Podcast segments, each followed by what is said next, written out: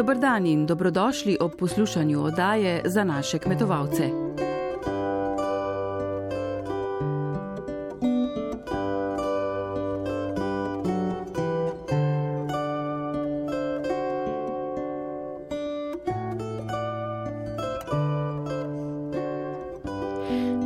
Osrednjo pozornost namenjamo projektu Zveze slovenske podeželske mladine, ki v mesecu februarju in marcu pripravlja delavnice o reševanju duševnih stisk na podeželju. Gre za projekt z imenom Nemoč podeželja, ki je naletel na zelo dober odziv.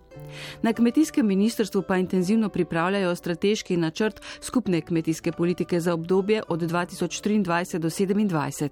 S sodelovanjem deležnikov in širše javnosti nadaljujejo z oblikovanjem končnega nabora intervencij. Strateški načrt bo predvidoma konec leta posredovan na Evropsko komisijo. Ne samo zaradi zelenega dogovora, ampak zato, da bi se izognili podnebni krizi, mora tudi kmetijstvo narediti resne vsebinske preusmeritve za manjši oglični otis, manjše izčrpavanje tav, manjšo porabo vode. V tej luči so zanimive ugotovitve ameriške analize učinkov reforme na kmetijske trge. Izpad proizvodnje bodo morale nadomestiti čistejše tehnologije. O tem v nadaljevanju oddaje prodaje. Govorili bomo tudi o premiku na zadružnem zemljevidu, ki ga je prinesla Združitev kmetijske zadruge Trebnje in Novo mesto v največjo kmetijsko zadrugo v Sloveniji in predstavili njene načrte. V pustnem času pa smo se pogovarjali tudi o kmečki tradiciji peke pustnih krofov iz dežele Kurentov. Vabljeni k poslušanju. Sem fanti zelenega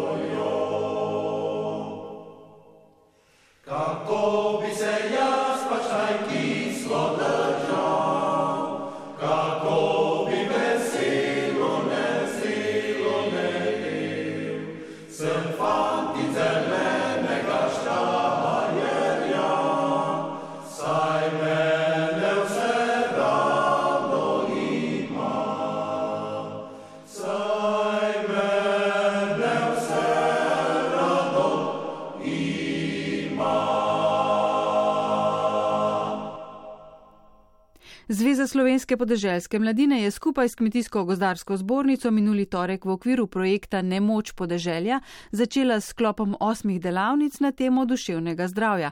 Udeleženci so povdarili, da so pri spopadanju z duševnimi stiskami prepuščeni samim sebi, kar je velik problem.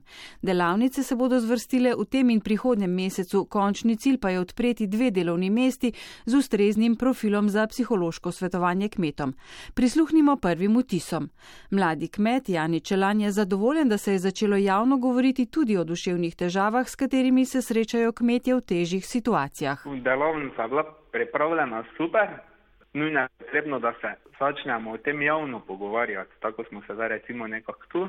So to le delavnice, no da ni to tisto klasično predavanje, ker če nekaj delamo, da vložimo nekaj svoj trud, dosti več odnesemo, pa, ali pa dosti večji je tudi naš doprinos.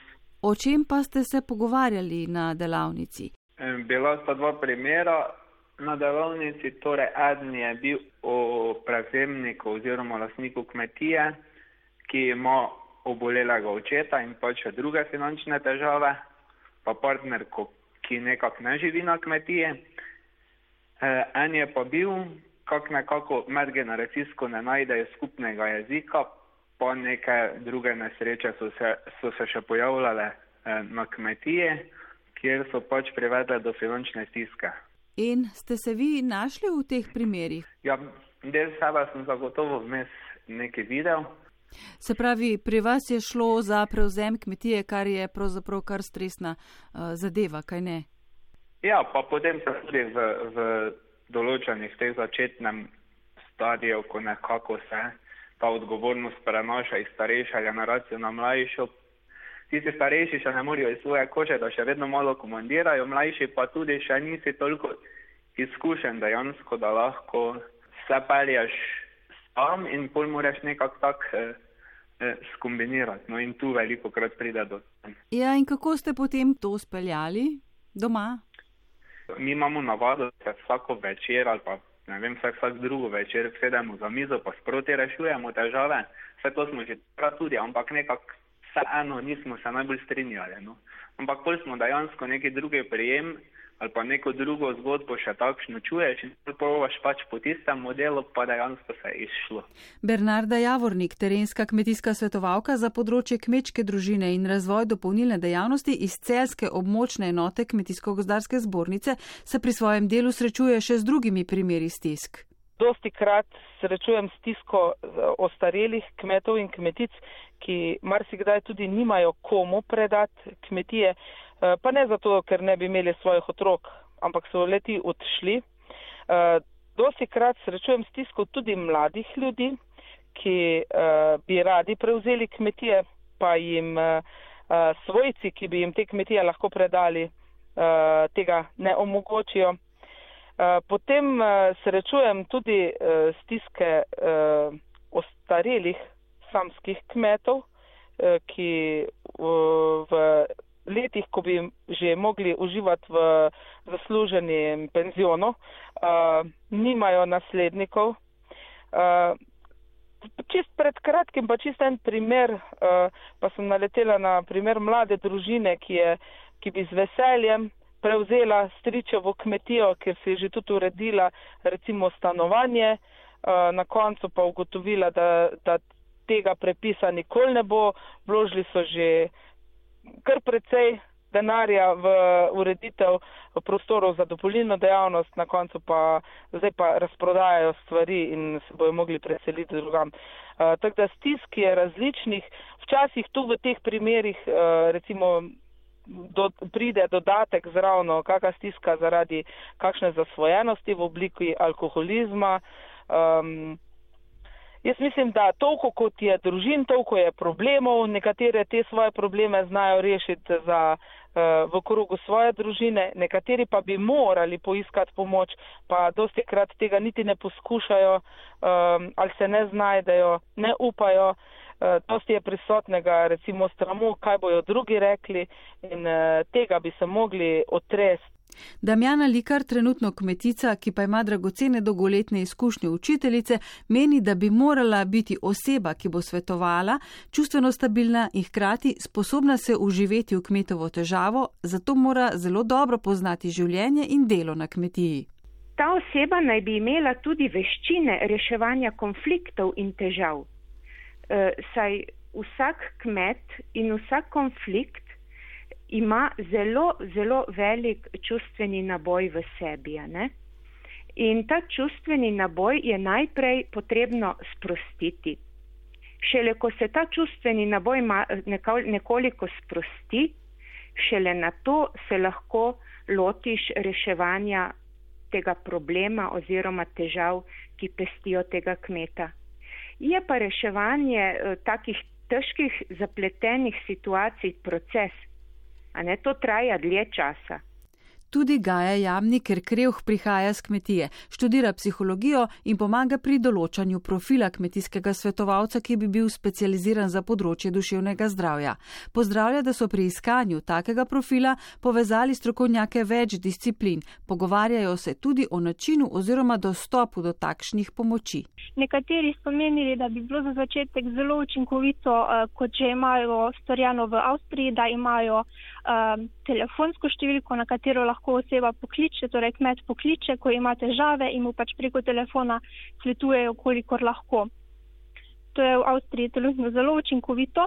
Uh, smo pa ugotovili tudi, da bi nekateri tudi rabili osebni stik, da je osebni stik v področju uh, čustvenih težav in stisk zelo pomemben in bi pač poskušali to počasi ugraditi tudi, da pač oseba uh, pride v živo na kmetijo in pač tam pomaga, kolikor lahko. Torej, neke vrste kombinacija tega telefonskega in dela v pisarni in pač tega, da pride na kmetijo, če je to potrebno. Zelo pomembno je, da oseba sama želi pomoč in sama stopi do svetovalca. Sicer pa so ženske bolj pripravljene poiskati pomoč. Kakšni pa so simptomi slabega mentalnega stanja, ki že nakazujejo, da bi človek potreboval pomoč, da se izvleče iz tega stanja in bolj kakovostno zaživi? Torej, ne morem ravno v enem stavku povedati, ker so te zelo različne. Gre se pa v večini primerov kot posledico stresa. Torej, če dolgotrajno doživljamo stres, smo zelo razdražljivi, zelo slabe volje, težko uh, delamo in se odločamo, sprejemamo odločitve, trpijo pa tudi uh, medosebni odnosi. To se ne vidi, to so večinoma načini razmišljanja, načini vedenja, ki so lahko zelo hitro spregledani kot slab dan, slaba volja. Uh, lahko so pa zelo, zelo resni, naprimer depresija, ki se pri moških zelo redko kaže z tistimi klasičnimi simptomi. Uh, ker so še posebej kmeti veliko dajo na to, da so delavni, da čim več naredijo, da so produktivni in se um, tisti klasični simptomi depresije, kot uh, da nimaš volje do ničesar, da več dan spiš, poležavaš, se pri njih ne kažejo. In lahko uh, to veliko bolj eskalira, pride do samomorov in podobnega, ki so na podeželju veliko bolj prisotni kot pa v mestih. Anja Mager, predsednica Zveze slovenske podeželske mladine. Vsi smo se nekako po koncu prve delavnice strinjali, da so to teme, mm, katere je potrebno in pomembno naslavljati in da se vsak v njih najde. Čisto vsak ima doma nekaj, je šel skozi neko tako izkušnjo, ki ga je okrepila ali pa oslabila in uh, večkrat je bilo izpostavljeno, da ni bilo koga, na koga bi se lahko obrnil. Trenutno se lahko tisti, ki imajo zaradi notranjih stisk slabše življenje, po pomoč zatečajo na centre za duševno zdravje otrok in mladostnikov in tudi za odrasle, ki jih organizira mreža Omra. Marsikatera vas je tak center že dobila, niso pa specializirani samo za kmečko prebivalstvo. V februarju in marcu se bo torej po Sloveniji zvrstilo še sedem delavnic na temo nemoč podeželja. In kako naprej? Torej bomo nadaljevali z ozaveščanjem delali bomo še naprej dogodke in predvsem pa si želimo potem resno iti v implementacijo in pridobiti ti dve zaposlitvi. Najprej pa želijo po vsej Sloveniji razširiti zavest o pomenu dobrega duševnega zdravja za dobre odnose v družini in za vitalnost podeželja.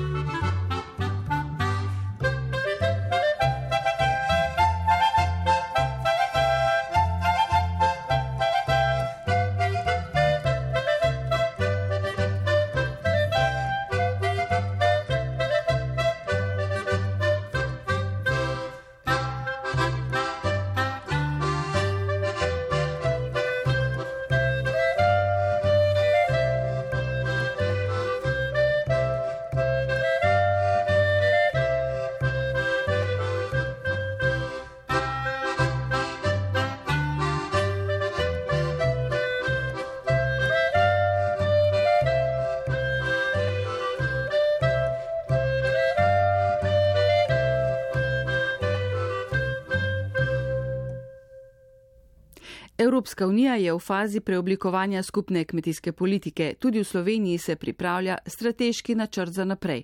Zaradi zamika reforme skupne kmetijske politike se programsko obdobje 2014 do 2020 in stara pravila pri dodelovanju sredstev podaljšuje za dve leti. A kljub temu Evropska komisija v prihodnje, sodeč po obeh ključnih strategijah od vil do vilic in strategiji o biodiverziteti, namerava izpeljati precej velik premik v bolj trajnosten in vzdržen primeren način pridelave hrane.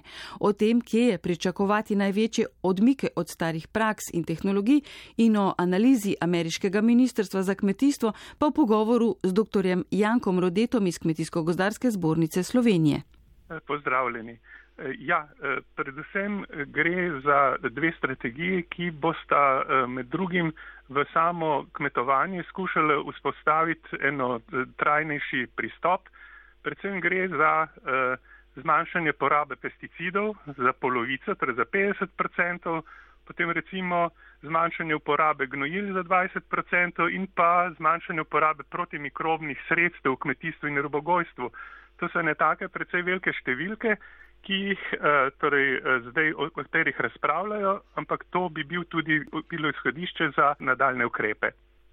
Vemo, da Evropska unija je pomembna svetovna proizvajalka hrane in vse take spremembe politike na tem področju seveda lahko vplivajo na marsikaj tudi globalno.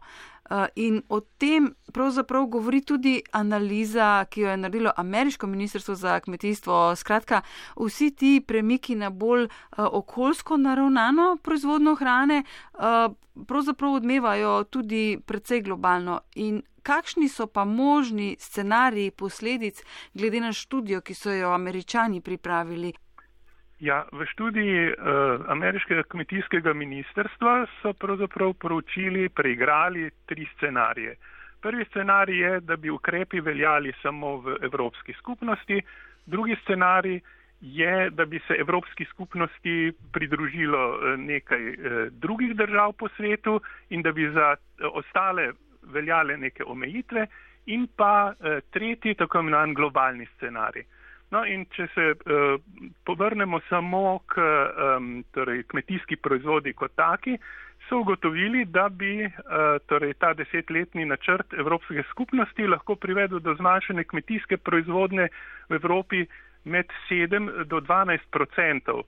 Seveda, posledica tega pa je potem lahko uh, padec konkurenčnosti uh, torej, na domačem in pa na izvoznih trgih. Zmanjšanje kmetijske proizvodne pa bi lahko zaostrilo tudi ponudbo hrane v Evropski skupnosti, eh, kar bi povzročilo med drugim tudi rast cen. No in eh, kakšne razmisleke sprožajo ti rezultati te analize?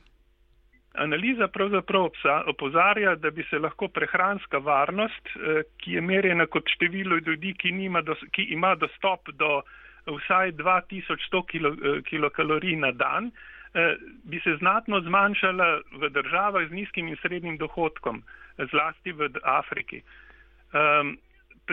Prehranska varnost v Evropi bi lahko bila manjša za dodatnih 22 milijonov prebivalcev, eh, medtem ko bi se povspelo to število na 103 milijone, če bi eh, se zgodil srednji scenarij, oziroma celo 185 milijonov pri globalni uvedbi ukrepov.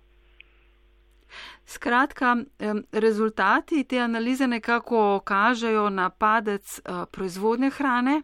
Ali spada ne bodo nadomestile nove pametne visoke tehnologije, oziroma na drugi strani ali ne podcenjujemo lokalnih, kratkih, samooskrbnih potencialov? Ja, že v sami študiji pravzaprav pozarja, da se oni upoštevali samo Eh, vidike eh, vpliva na trge kmetijskih surovin v okviru strategij. Niso pa upoštevali drugih pomembnih vidikov eh, predloga Evropske skupnosti, ne? naprimer povečanega deleža ekološke pridelave ali pa zmanjšanje količino odpadkov hrane in pa seveda zmanjšanje emisij toplogrednih plinov. Med drugim ne govorijo niti o uh, vplivu uh, uvajanja preciznega kmetovanja ali pa izboljšene učinkovitosti kratkih preskrbnih verik, kar uh, same strategije uh, Evropske skupnosti vključujejo v uh, celoto uh, ponudbe teh strategij in izvedbo teh strategij. Uh, na vsa vprašanja pa tudi strani Evropske komisije še nimamo odgovora, tako da bo to uh, še del posvetovanj. In na drugi strani je ta strategija pravzaprav osnova za oblikovanje drugih izvedbenih politik, kot je naprimer bodoča skupna kmetijska politika. Torej, to samo potrjuje, da v prihodnje se bo kmetijska proizvodnja kar precej preoblikovala. Predvsem se bo precej preoblikovala in prinesla bo nove pristope, ki jasno bojo morali kompenzirati eh, trenutno potratno in pa eh, torej za okolje precej obremenjujoče kmetovanje. Takšna in še mnoga druga odprta vprašanja obravnavajo deležniki pri pripravi strateškega načrta SKP tudi pri nas. Kmetijsko ministrstvo je zato organiziralo pet delovnih skupin. Delo bo ta mesec potekalo tudi v obliki delavnic, usmeritve pa med drugim pričakujejo tudi od svojih strokovnih svetovalnih teles. Thank you.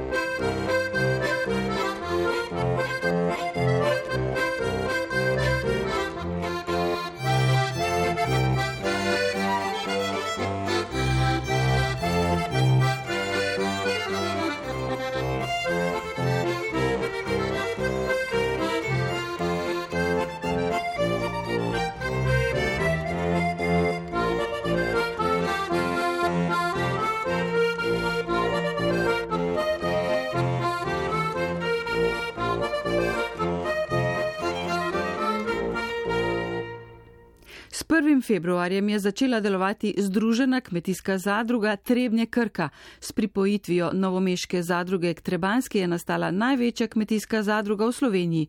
Več Jože Žura. Vodstvi obeh zadrug sta pogodbo o združitvi podpisali v začetku decembra. Prejšnji teden so dobili še soglasje Agencije za varstvo konkurence. Nova zadruga ima okoli 10 odstotni tržni delež v Sloveniji. Direktor kmetijske zadruge Trebne Krka Stanko Tomšič. S tem, ko sta se te dve, že sicer veliki zadrugi, združili, je nastal res pomemben, velik gospodarski subjekt na območju jugovzhodne Slovenije, ki združuje tisoč članov, ki bo zaposloval skoraj 250 delavcev in ki bo imel predvedoma že v osnovi 65 milijonov evrov prometa, deloval pa bo na območju 15 občin jugovzhodne Slovenije.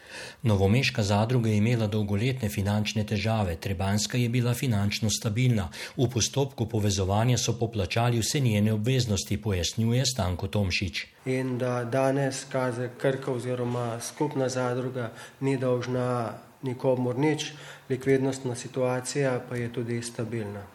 Že v času združevanja so bili vidni pozitivni sinergijski učinki. Nekatere stroške smo že v prvi fazi močno znižali, povečali smo založenost nekaterih prodajalen. V vseh naših prodajalnah omogočamo tudi dostavo na dom. In morda stvar, ki je v tem trenutku se izkazala kot uh, najpomembnejša od uh, kaze Krka, smo prevzeli tudi blagovno znamko Dobrote z kmetije, ki je sama kaza Krka zaradi svoje situacije ni mogla razvijati, sedaj pa se lahko ta blagovna znamka intenzivno razvija in poleg eh, vseh mesnin pod to blagovno znamko tržimo tudi številne druge kmetijske proizvode, tako da je v naših živilskih prodajalnah če dalje več teh res domačih, lokalno pridelanih proizvodov. Na območju ožje dolenske in bele krajine je bilo v preteklosti več zadružnih povezovanj, zdaj sta ostali le še zadrugi Trebnje Krka in Metlika. V izogib konkuriranju na oskem prostoru so v času združevanja prodali klavnico Novomeške zadruge v Črnomlju Metliški zadrugi, ki je imela klavnico in predelovalnico mesa v Metliki. V okviru prodaje klavnice smo se dogovorili tudi za dolgoročno sodelovanje, da na eni strani Kaze Metlika odkupuje od nas živino, Kaze Trebne Krka pa bo od Kaze Metlika odkupovala vse izdelke, ki jih sama trži pod svojo blagovno znamko dobrote s kmetije in tudi goveje meso, ki ga Kaze Trebne Krka prodaja v svojih prodajalnah in ga trži tudi v druge prodajne sisteme. V osnovni kmetijski dejavnosti je epidemija dodatno navrgla težave slovenskega kmetijstva. Pokazalo se je, da predvsej dobro v Sloveniji deluje odkup in prodaja mleka, kjer so že vzpostavljene neke odkupno-prodajne verige. Ne. Na drugih področjih, recimo odkup mesa, kjer pa ni vzpostavljenih nekih trdnih odkupno-prodajnih verig, pa so bile te težave veliko večje in tudi nihanje cen veliko večje. Zato mislim, da je pomembno, da Sloveniji še nadgrajujemo te že vzpostavljene odkupno-prodajne verige na področju kmetijstva, ker predstavljajo vsekakor neko stabilnost, predvsem za pridelovalca hrane, to pa je kmet. Kljub temu so določene težave na tem področju uspešno premagali, pove direktor kmetijske zadruge Trebnje Krka Stanko Tomšič. Moram reči, da smo lahko zadovoljni, da smo ta izpad pred predvsem na področju odkupa in prodaje živine, nadomestili z povečanjem izvoza na tuje trge, tako da smo v lanskem letu tudi na področju kmetijstva presegali realizacijo iz predhodnega leta.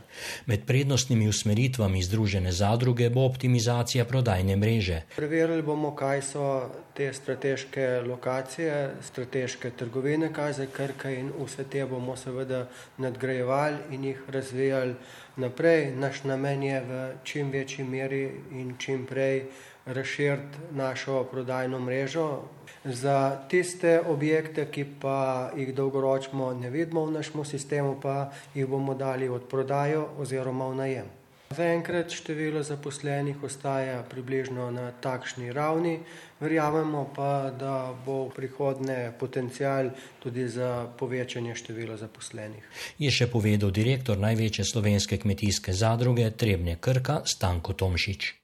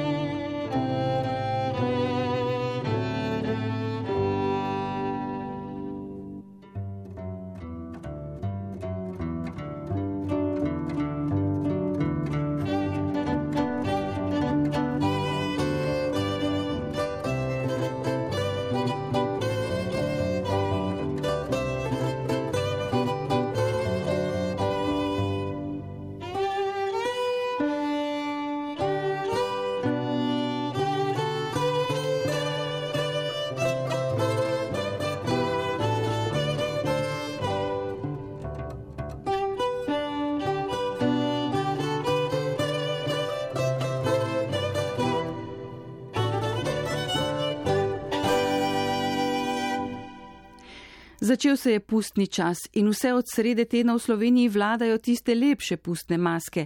A pustni čas ni le čas norči in veseljačanja, ampak je tudi čas sladkih dobrot. Ne rečemo brez razloga, da je pust mastnih ust. Med najbolj značilne pustne jedi in poslastice gotovo spadajo krofi, tisti domači. In kje ti bolje uspevajo kot v deželi kurentov?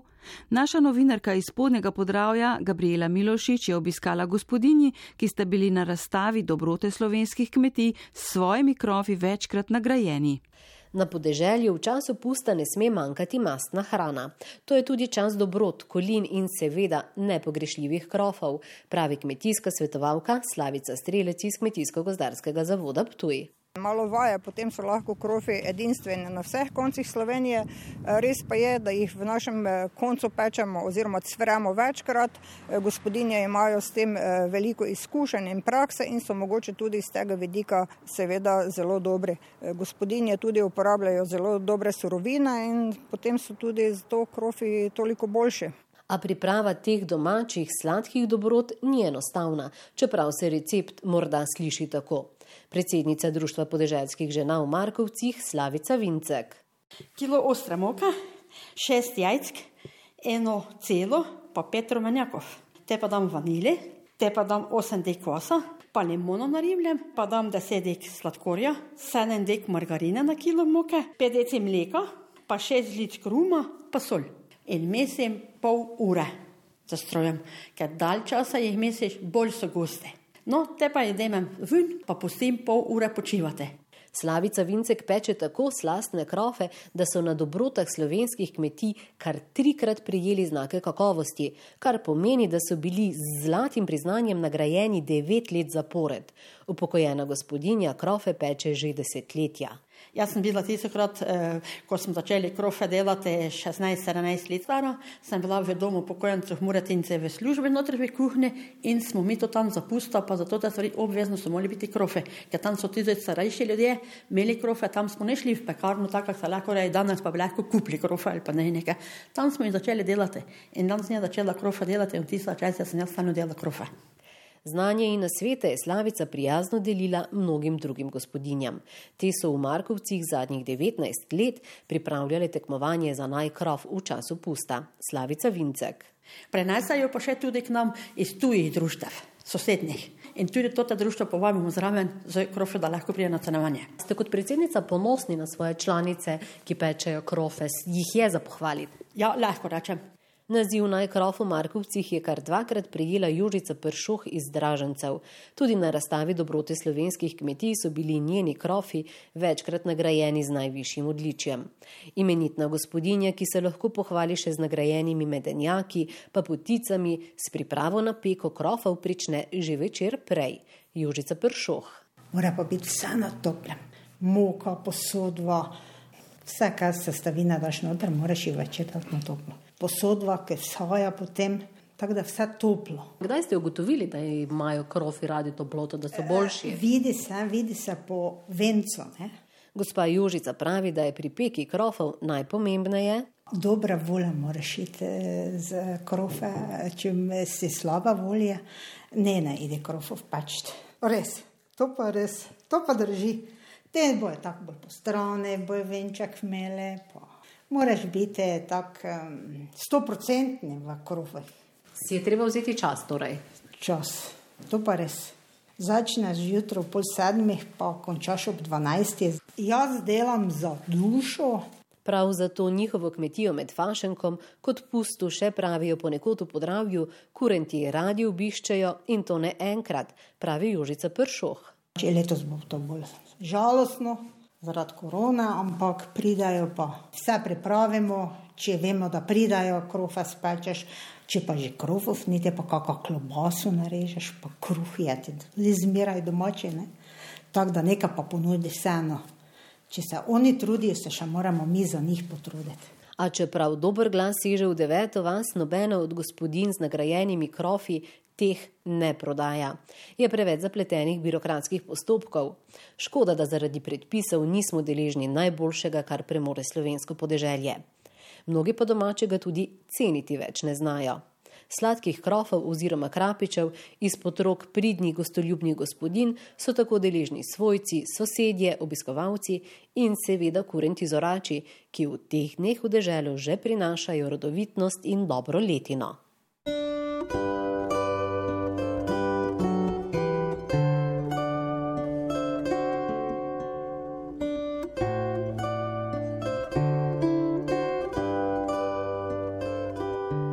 Spoštovani, to je bila oddaja za naše kmetovalce. Pripravili smo jo Gabriela Milošič, Jože Žura in Jrnej Kadrolec, ki sem jo tudi povezala. Glasbo je izbral Matej Jevnišek, za zvočno podobo je poskrbel Gašpr Loborec. Preden se poslovimo, naj povem, da bo naša oddaja predvidoma prihodnji mesec dobila prenovljeno podobo in novo ime. Vsebino pa bomo še vedno črpali iz kmetijstva, gozdarstva in prehrane. Vse dosedanje oddaje pa najdete v spletnem arhivu na naslovu radio1.rtvslo.si ali na mmc, če v arhivu poiščete oddajo za naše kmetovalce. Na voljo so tudi v podkastu. Lepo popovdne želim in srečno!